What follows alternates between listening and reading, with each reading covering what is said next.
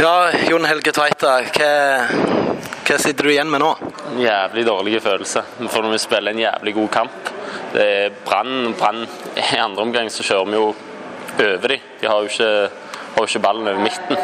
Så det Nei, sitter igjen med en god eller en blanda følelse.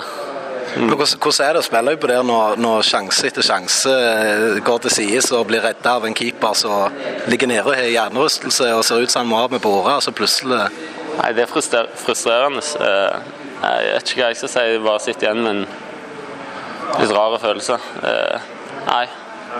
Surt. Jævlig surt. Men er du, er du overgitt over måten Brann eh, på en måte angriper den andre omgangen på? Det, det er jo bare ett lag på der som har lyst til å spille fotball. Ja, jeg, eh, jeg hadde ikke sett for meg at de skulle legge seg så lavt og bare forsvare igjen den kampen. Men ja, ja. De, de klarer jo å få med seg tre poeng, så. Men det er jævlig surt. For vi spiller en jævlig god kamp.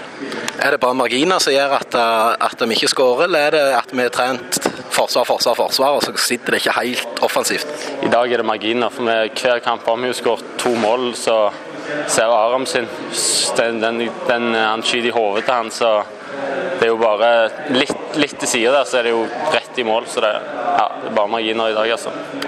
Men normalt sett hadde vi møtt et annet lag i Brann enn Brann i dag. Tror du, tror du det hadde eh, gjort noe utslag? Jeg, jeg vet ikke. I, I dag spiller vi såpass bra, så det er vanskelig å si.